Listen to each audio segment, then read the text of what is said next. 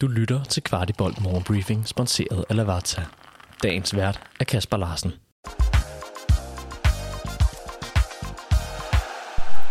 Det er torsdag den 24. august, og dagens morgenbriefing er klar lige i dine ører. Velkommen til. Vi starter med nyheden om, at Thomas Delaney ikke kommer hjem til FC København i denne omgang – Midtbanespilleren tager til Belgien, nærmere bestemt til Anderlecht, hvor han forenes med Brian Rimer, der står i spidsen for det belgiske hold. Her fra redaktionen ønsker vi Thomas alt muligt held og lykke i sin nye klub.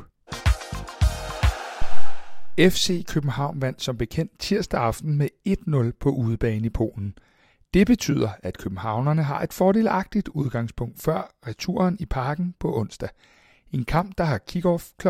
21 og vi bliver mange, rigtig mange. Således er der allerede solgt mere end 30.000 billetter, og flere afsnit er allerede udsolgt til den kamp, der afgør, om FC København er at finde i bowlen torsdag den 31. august, når der trækkes lod til verdens fineste klubturnering. Dette er en kamp, hvor vi får brug for alle kræfter, og onsdag trænede såvel corner som er jury med fysioterapeut og bold. Ajuri lavede fine vendinger, så det virkede ikke som om, at det er en skade, der skal holde ham ude i længere tid.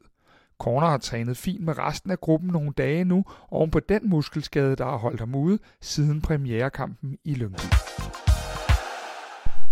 Vores tidligere kantspiller Yusuf Tutu har fået nyt job. Han skal nemlig være assistenttræner hos B93 U19-hold.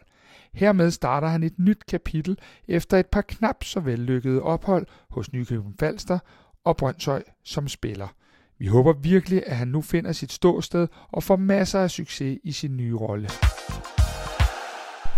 Da vi spillede tirsdag aften i Polen, var der hæftige regnskyller over stadion, efterfulgt af lyn og torden. Det fik imidlertid ikke kampens dommer til at udsætte opgøret – en beslutning, cheftræner Jakob Nistrup mildest talt ikke var fan af. Nis fortæller til Ekstrabladet, at det var en skandale. Nikolaj Bøjlesen fortæller selv samme sted, at de fik at vide, at man holdt øje med vejret for officiel hold, men at han frygtede noget for sine holdkammerater på banen. Vi har jo i Danmark en fin tradition med ikke at spille i den slags vejr, efter at have set flere uheld, men det var åbenbart ikke en regel på Champions League-niveau. Eller, som Nes slutter, der skal være en voksen til stede, og det skal ikke være cheftræneren i København i det her tilfælde. Isak Bergman Johannesson imponerer i Tyskland. Således er det allerede blevet til to indhop, hvor han har gjort det så godt, at han ifølge avisen Express banker på til en plads i startelveren. Isak er lejet af Düsseldorf for resten af sæsonen og skulle efter sine have en frikøbsklausul på ca. 15 millioner kroner. En anden tidligere FC København-spiller, nemlig Mikkel Kaufmann, skiftede denne sommer fra Karlsruhe til Union Berlin. Men tyske Bild skriver, at han allerede kan være på vej væk igen i dette vindue. Konkurrencen er simpelthen for stor i Berlin, og efter sine er både Heidenheim, St. Pauli samt før omtalte Isak Bergman Johannessons klub Düsseldorf meldt interesseret. Og lige en sidste detalje for kampen i Hvidovre. Vores andet mål blev, ja, naturligvis fristes man til at sige, vurderet til at være rundens mål i Superligaen. Jeg tænker, at Moe og Ajuri nok er ret enige i den sag. For øvrigt et flot mål at åbne sin målkonto på for Moe.